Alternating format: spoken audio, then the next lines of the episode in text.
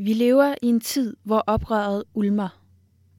Hvor vi tidligere har set det fra venstrefløjen, da oprøret slog igennem for årtier siden og rystede den borgerlige orden, så ser vi det i dag komme fra den anden side, hvor den nationalistiske bølge skyller over Vesten fra højre. Der er blevet sagt og skrevet meget om disse forskellige oprør og opgør, der rører på sig rundt omkring i Europa og i resten af verden. Men denne gang i Filosofikum tager vi et skridt tilbage og taler om oprøret som fænomen. Vi skal beskæftige os med en klassiker inden for emnet, nemlig Oprøreren af Albert Camus.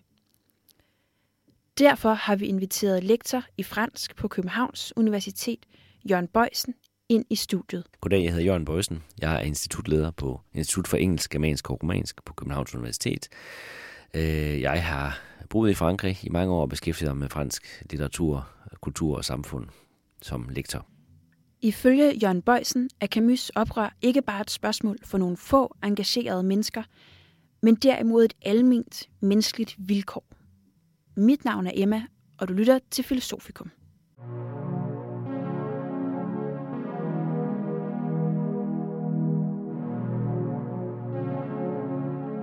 Det, som Camus kommer frem til, øh, og det han arbejder på i, i sådan 10-15 år, altså liv på det her tidspunkt, det er at definere oprøret som en almen menneskelig tilstand. Det er simpelthen det, der kendetegner os som mennesker. Øh, det er en naturlig reaktion, og derfor er der ikke, altså vi er alle sammen oprørere på en eller anden måde. Vores liv giver dybest set ikke nogen mening. Hvordan kan vi få det til at give mening?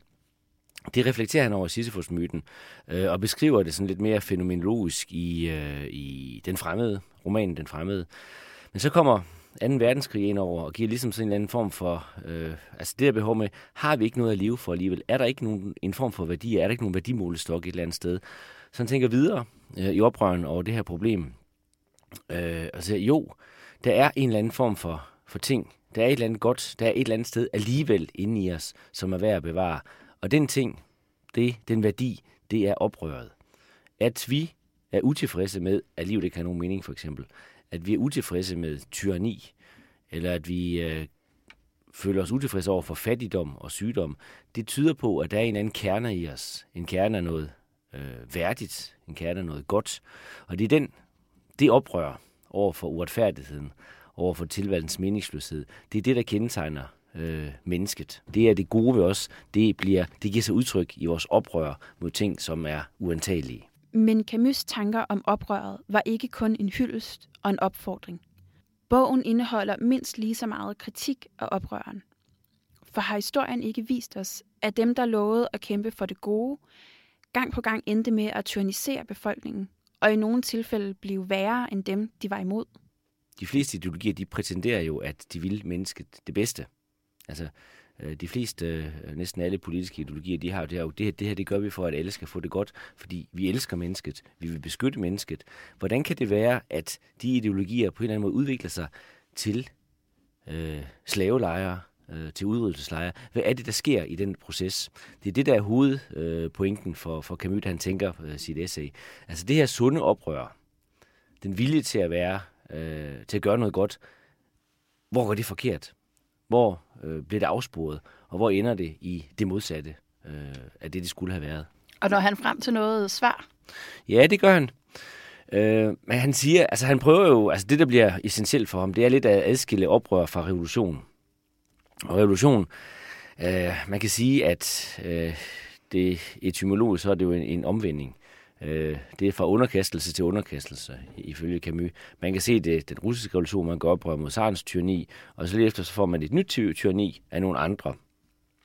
Det, der er problemet øh, for Camus med øh, revolutioner, det er, at øh, fra den ene tyran, eller fra den ene øh, urimelige magt, så vælger man en anden øh, i stedet for. Typisk for revolutioner, så er det historien der på en eller anden måde bliver, den, den bliver guddommeligt gjort. Den bliver det, som vi retter os efter.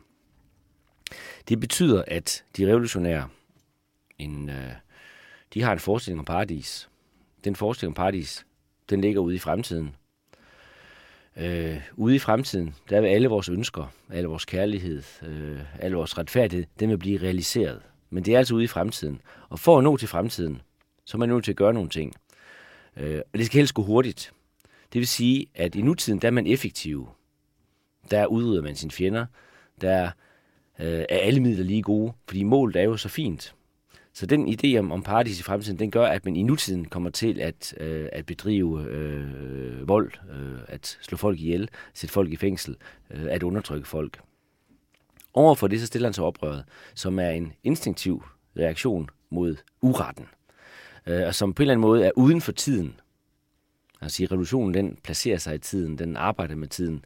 Altså tiden er sådan en strøm, der fører frem mod, mod mod revolutionsmål, og jo hurtigere man kan, man kan kravle ned ad strømmen, jo bedre. Men øh, oprøret er en spontan, evig gentagen reaktion, hvor vi ligesom manifesterer vores menneskelighed. Der er mange forskellige øh, former for oprør, som han nævner, eller, eller flere forskellige. Det første er mod Gud, Øh, og det andet, det er sådan mod det, det politiske oprør, mod, som starter med den franske revolution, øh, hvor man gør oprør mod kongemagten, men inden man ser sig om, så har man fået en ny magt, som man, man tilbeder.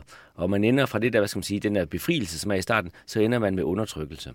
Øh, og det er det problem, der er, at man ligesom bare udsk- øh, udskifter den ene dominerende magt med en anden i revolutionen. Hvor oprøret slet ikke har det der lange sigt, kan man sige, men er på en eller anden måde mere spontant og et udtryk for vores, øh, for vores menneskelighed og for vores solidaritet. Øh, man kan godt have idealer, man kan godt have, øh, man kan godt have en forestilling om det ideelle samfund. Det er jo altid rart at have et eller andet, par, øh, et eller andet arbejde hen imod. Problemet er bare, at hvis man øh, agerer, hvis man gør det til et eller andet absolut, så har man i nutiden alle mulige undskyldninger for at eliminere fjender, som ikke... Øh, altså, ingen ved jo, hvordan fremtiden ser ud. Og da Camus skriver den øh, oprøren i, i 50'erne, der har man jo faktisk nogle meget, meget stærke ideologier, altså især kommunismen, som faktisk har en, en plan for fremtiden, som har en idé om, hvordan verden den vil udvikle sig. Det er sådan det er jo en, en videnskabelig ideologi mere eller mindre, en historiefilosofi, som arbejder sig frem mod et land. Og så på baggrund af det kan man, kan man tillade sig hvad som helst, fordi man, ligesom, man har ligesom fundet løsningen. Og folk, der strider imod, de er jo øh, øh ikke blot er de irriterende, de er jo rent faktisk onde. De modarbejder idealet. Man må gerne have et ideal, men i nutiden, der skal man forholde sig til de mennesker konkret, man har nu. Øh, forsvare dem konkret, øh, og man skal gøre det gode konkret. Så det er måske også, øh, det kan også læses meget som en advarsel mod stærke ideologier i hvert fald. Ja, det er et øh, stærkt oprør mod ideologierne. Og man kan sige, receptionen af bogen bliver meget negativ i Frankrig. Det var et øh, ekstrem, øh, en ekstrem politiseret tid, og det, at øh, han ligesom går i kødet på de dominerende ideologier, altså hele tanken om fremskridtstanken simpelthen, øh, det gjorde, at øh, han blev øh, øh, udelukket mere eller mindre fra det øh, åndsliv i Paris øh, i, i flere år. Altså Sartre gav ham en sønderlemmende anmeldelse af bogen. Og han, altså det, det betød så meget for, at man simpelthen trak sig tilbage til Sydfrankrig og ligesom sådan, øh, gik i eksil øh, i Frankrig i årene der. Så det var, øh, øh, det, det var et kæmpe ideologisk opgør. Han skriver også, at menneskets oprør øh, består i, at mennesket siger nej. Hvad ligger der i det? Jamen, der ligger i det, at i os, der har vi en kerne af et eller andet. Vi har en eller anden retfærdighedssans. Altså den her kæmpemæssige værdi-nihilisme. Altså, hvis man ser på den, den dominerende filosofi i den umiddelbare efterkrigstid, som er eksistentialismen, der forestiller man sig, at mennesket er radikalt frit. Vi kan opfinde os selv. Vi kan blive til, hvad vi vil. Vi kan vælge. Altså, vi skaber vores egen natur ved at foretage valg. Og det siger Camus, nej, det er ikke rigtigt. Der er faktisk noget som en menneskelig natur.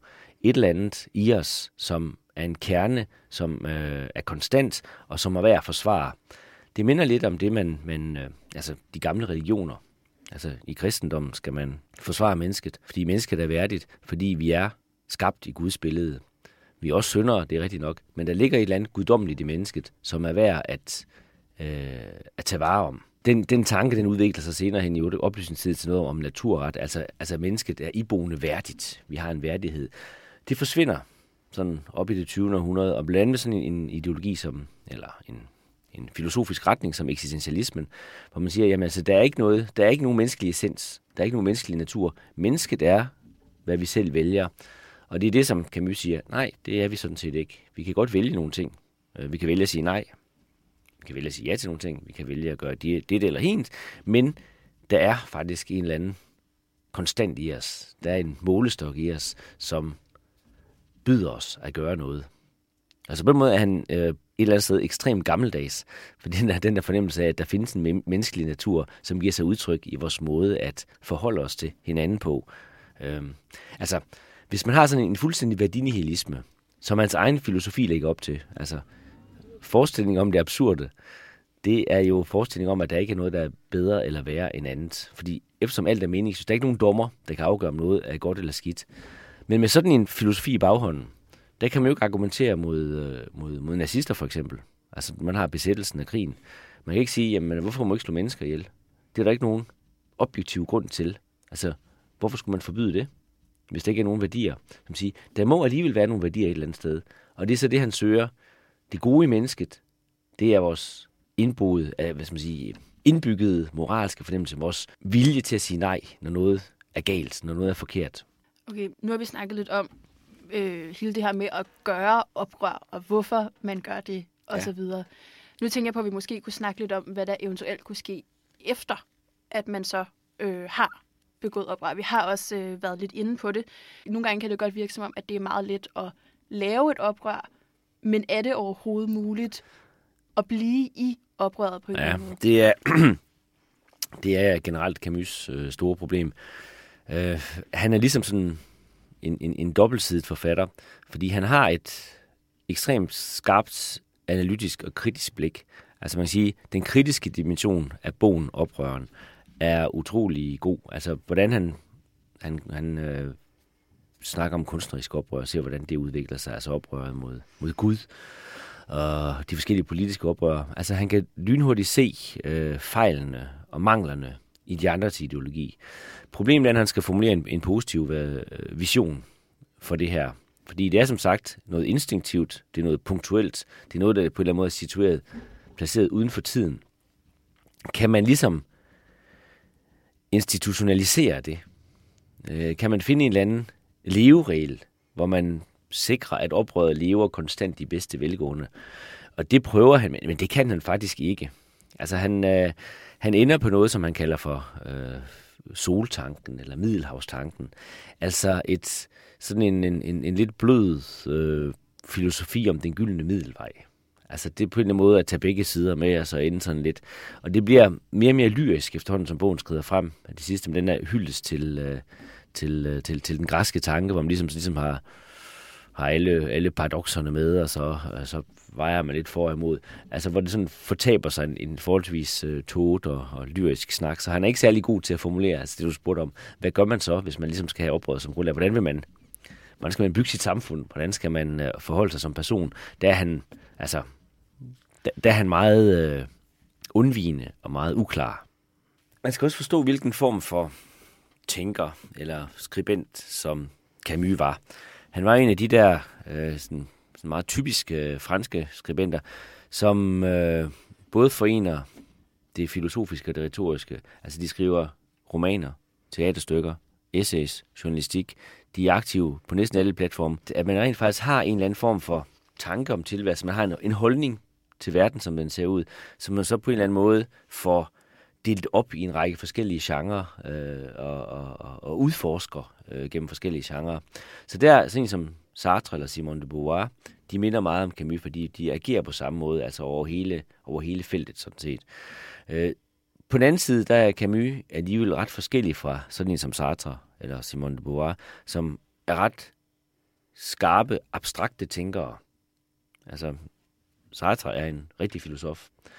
Øh, som det, at du har, man har den abstrakte øh, tænkning, og samtidig har man nogle forholdsvis øh, mainstream litterære værker. Sartre dykker sådan en form for, for naturalisme, som og det samme kan Simone de Beauvoir, altså ret ikke, ikke innovative øh, former. Ved Camus er det meget, meget mere blandt sammen. Hans, øh, hans tanker, de kommer ofte bedst til udtryk i hans fiktive værker, øh, og samtidig så er hans, hans øh, filosofiske essays, eller hans øh, essays, er ekstremt meget præget af, af poesi, af fiktive virkemidler. Så der er en anden blanding. Altså, han tænker i en anden form for billeder. Han tænker ikke i abstrakte tanker, som, som, som en Sartre ville gøre, eller som en egentlig filosof virkelig ville gøre. Han tænker meget i øh, gennem situationer, gennem mennesker og gennem ord.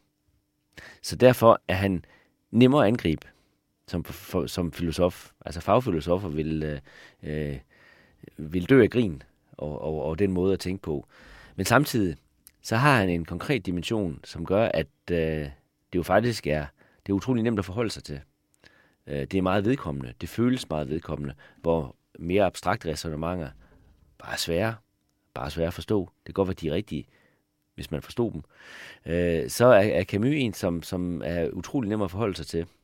Også være uenig med, for den sags skyld. Men altså, han er på den måde, på den måde er interessant, fordi han ligesom, han taler til os direkte, uden ret meget teknik.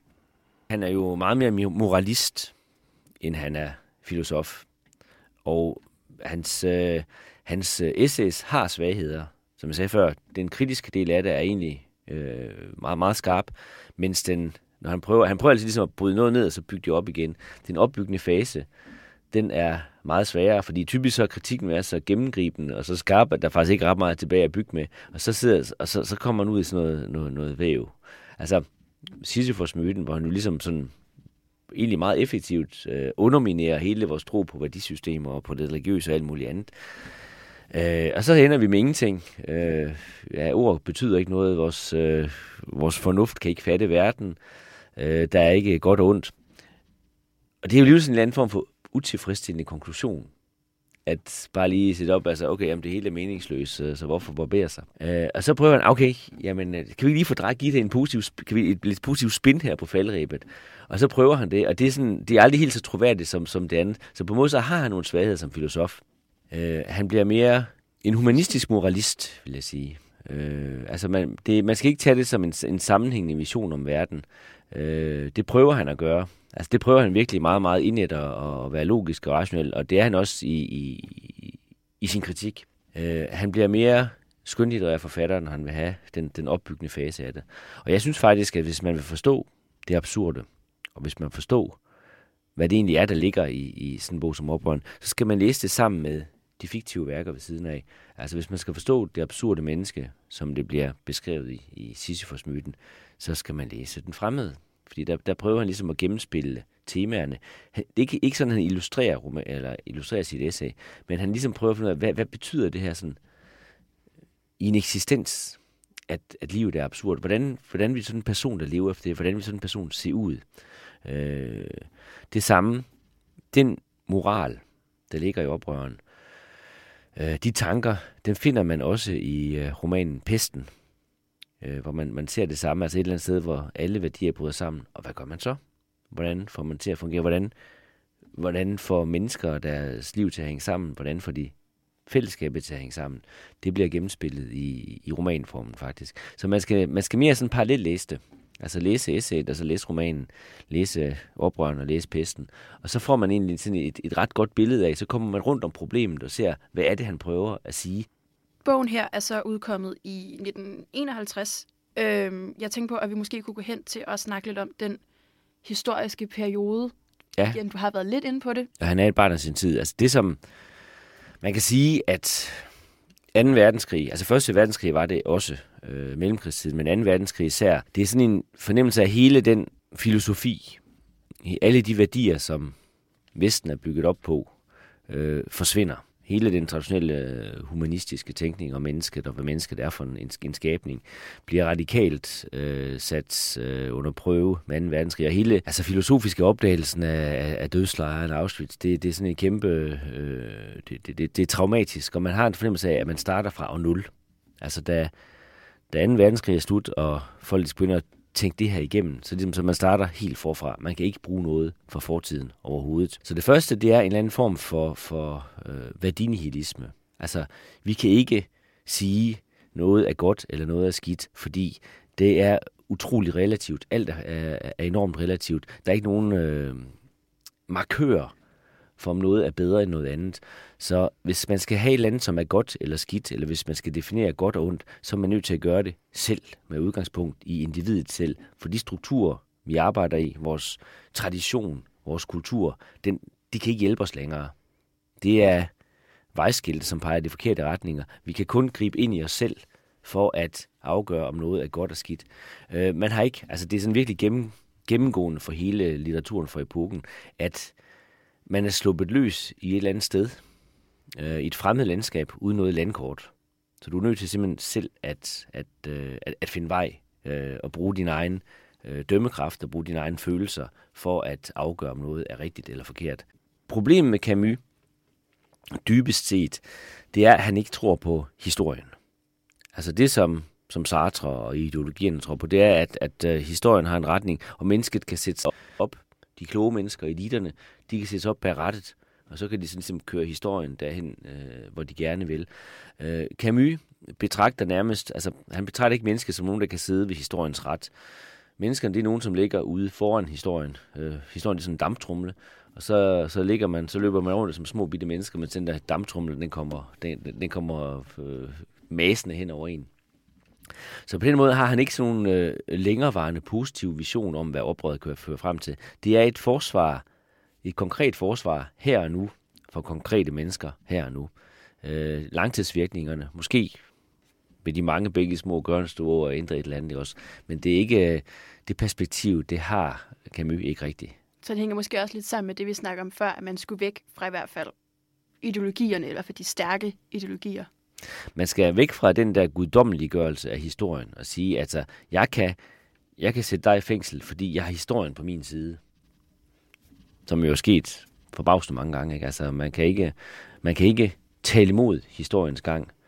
Øh, man kan ikke sige, at ting var bedre i gamle dage, uden at blive til grin. Øh, altså den, vi har det stadigvæk meget, meget dybt i os, det der med, at historien øh, går i en anden retning, og man kan ikke være imod den. Det svarer til at, at, at, at svømme i en flod, ikke også, som er meget kraftig, så på at svømme mod strømmen hele tiden, ikke også. Men ikke desto mindre, så bliver man ført derhen, hvor floden vil føre en.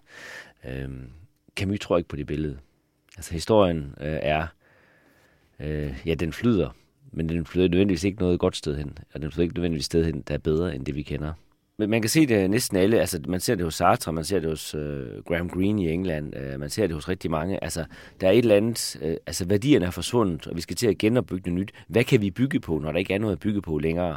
Og så er det den der, man får den der meget subjektive uh, tilgang til det, som eksistentialismen er det mest uh, tydelige eksempel på. Uh, det andet, man kan sige, det er... Uh, Men er bogen et, et et oprør mod den substans. Nej, men det er sådan en videretænkning, altså, som, mm. som jeg tror, jeg var inde på det et gang før. Altså det der med, at oprøret er et eller andet, som opstår i en selv. Det er, at kilden til oprøret er et eller andet, som ligger dybt i en selv, øh, i ens egen i ens eget følelsesliv, eller i ens egen tanker. Det er ikke noget, som det er ikke en tradition, man bygger på. Det er ikke nogle religiøse værdier, som man kan hægte dem op på. For det findes ikke længere. Der findes ingen målstok længere. Det er kun man selv, sig selv, man har at stole på. Men øh, altså, det, som Camus han vil jo gerne ud over at sige, altså oprøret er solidarisk i sin natur. Det her oprør, det er sådan noget, som rent faktisk formår at knytte os til andre mennesker. Vi kan også oprør på andre menneskers vegne.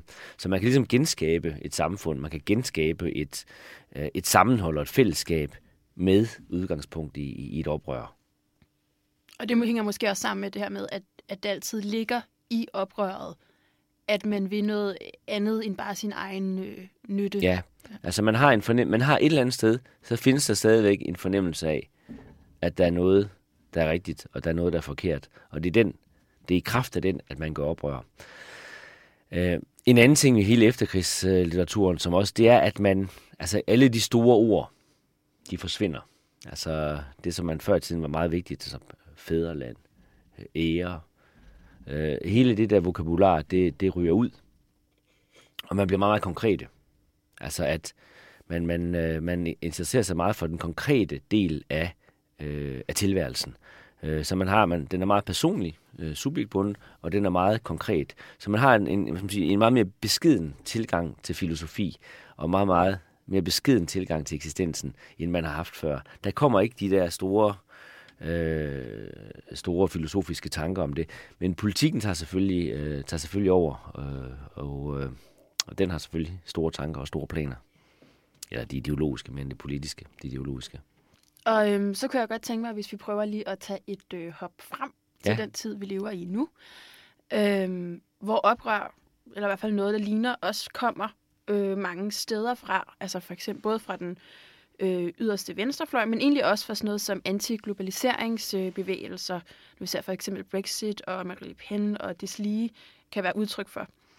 Øhm, Hvad er de vigtigste pointer, vi kan tage med fra Camus, når vi skal prøve at forstå de oprør, vi ser den dag i dag? Ja, man kan sige, at mange af de oprør, som man ser den dag i dag, de på, på, på sæt og vis dementerer øh, Camus' tanker. Fordi folk gør oprør, øh, men de gør også ofte, de gør ofte oprør mod nogle andre. Altså de mange af de oprør, man har, er jo ikke nødvendigvis sådan det, man kan kalde øh, moralsk gode eller ind, iboende moral, eller etisk forsvarlige. Det er oprør, hvor man ligesom vil forsvare sig selv. Øh, det, det er jo meget øh, markant ved de oprør, som vi ser i, i vore dage, i modsætning til, man så i 50'erne. I 50'erne der er det jo typisk øh, en venstrefløjsting, altså hvor, hvor højrefløjen er, er konservativ, samfundsbevarende, så er øh, de oprør mod establishment og de oprør mod verden, man ser nu, de er typisk, altså lidenskaben i politik, den finder man på det yderste højre. Der findes nogle spæde forsøg på at lave noget tilsvarende på venstrefløjen. I Frankrig var der sidste forår det der Nuit bu, en, en, øh, øh, hvor man forsamlede sig på plads og ligesom prøver at lave politik på en anden måde. Der har været øh, øh i, i Spanien, øh, de, uh, hvad hed den? Det kan jeg huske, at det parti, der hedder Podemos, altså en række øh, Occupy-bevægelserne i England, her, eller i USA, og England var, var, var en del af det samme. Så man har haft sådan nogle, nogle spæde venstreorienterede forsøg på ligesom at få noget, noget lidenskab og noget oprør tilbage i politikken. Men de er jo ligesom, altså, de har ikke rigtig fået noget varigt udtryk. Øh, hvorimod oprøret fra højrefløjen øh, er gået ret langt, at man, altså sige, man har en amerikansk præsident nu, som et eller andet sted er udtryk for øh, et oprør. Bernie Sanders på, på, hvad skal man sige, på, på venstrefløjen var et inkarneret noget af det tilsvarende. Ikke? En, en, der gør oprør mod politik. Men øh, om, altså, Camus' pointe var jo lidt, at der var altid var et eller andet godt i oprøret. Og det er der formentlig også. Men om oprøret ligesom ligger den rigtige analyse af tingene, det kan man besvivle, når man ser øh, for eksempel sådan som Donald Trump. Men altså, man kan jo sige, at hele, altså pointen med et establishment, det er jo, at det generelt fungerer. Der er jo meget, meget få oprørere, som egentlig påvirker noget for alvor. Øh, det ligger også lidt som en pointe i, i Camus' bog, at, øh, at øh, det er tit sådan et, et lidt kort sigte, så man, man kan vinde sådan på, man kan vinde små oprør. Til sidst så får man måske gennemtrumfet større ændringer, men, men i det store billede, altså at få, få, få ændret samfundsstrukturen, alle de uretfærdigheder, der er i det, med et slag, det er formentlig, øh, det er formentlig for ambitiøst. Ikke? Men jeg vil sige, altså, så til gengæld så må man give ham ret i, altså Camus, at der stadigvæk er rigtig mange ting, man kan og bør gøre oprør mod. Så, så oprøren bliver ikke arbejdsløs, sådan lige med det samme.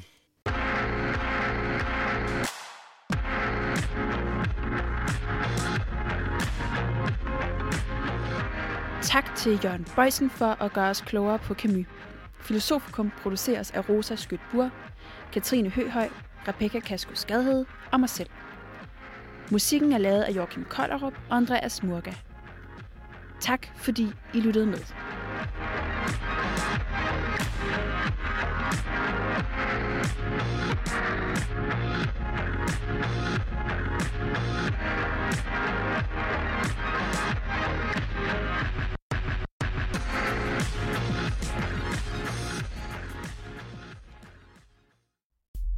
Denne podcast er produceret i samarbejde med Uniradioen, podcasts, live radio og musik 24 timer i døgnet. Vi lever i en tid, hvor oprøret ulmer. Hvor vi tidligere har set det fra venstrefløjen, da oprøret slog igennem for 10 år siden og